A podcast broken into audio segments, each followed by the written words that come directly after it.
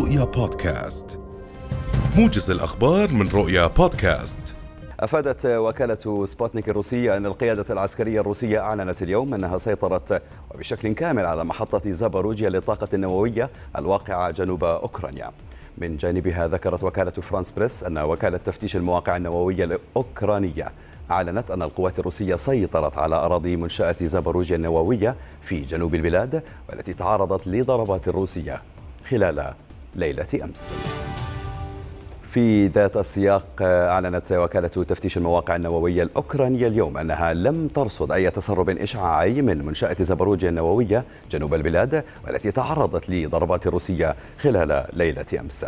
وقالت هذه الهيئة الرسمية إنه لم يتم تسجيل أي تغيرات في الوضع الإشعاعي. وتتواصل الحرب الروسية الأوكرانية على محاور مختلفة لليوم التاسع تبعتها ردود فعل دولية وفرض عقوبات اقتصادية ومالية مشددة على موسكو. قال المستشار الألماني أولاف شولتز إن مسألة انضمام جورجيا ومولدوفا وأوكرانيا إلى الاتحاد الأوروبي مسألة لا يمكن الحديث عنها ولا يمكن الحديث عنها الآن قبل تهدئة الوضع في أوكرانيا. وأيضا أضاف شولتز أن عدم قبول أوكرانيا وجورجيا في حلف شمال الأطلسي الناتو كان خطوة صحيحة مشيرا إلى أن هذه المسألة لم تكن مطروحة على جدول أعمال الحلف. قالت وزارة الخارجية وشؤون المغتربين إن موظفي السفارات المتواجدين على المعابر الحدودية قاموا بتسهيل إجراءات عبور ودخول 718 أردنيا وعائلاتهم بين أوكرانيا وعدد من الدول المجاورة لها. وأعلنت الوزارة أنه تم تأمين الأردنيين وعائلاتهم بكافة أشكال المساعدة والدعم وتوفير الخدمات الضرورية واللازمة لهم والاطمئنان على سلامتهم وأحوالهم وتأمين احتياجاتهم والعمل على تسهيل عودتهم إلى المملكة.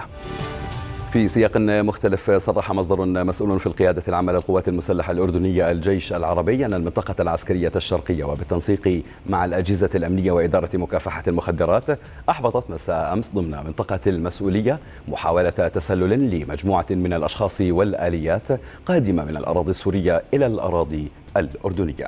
وبين المصدر أن قوات حرس الحدود رصدت محاولة مجموعة من الأشخاص والآليات اجتياز الحدود وتم تحريك دوريات رد الفعل السريع وتطبيق قواعد الاشتباك مما أدى إلى تراجع الأشخاص والآليات إلى العمق السوري.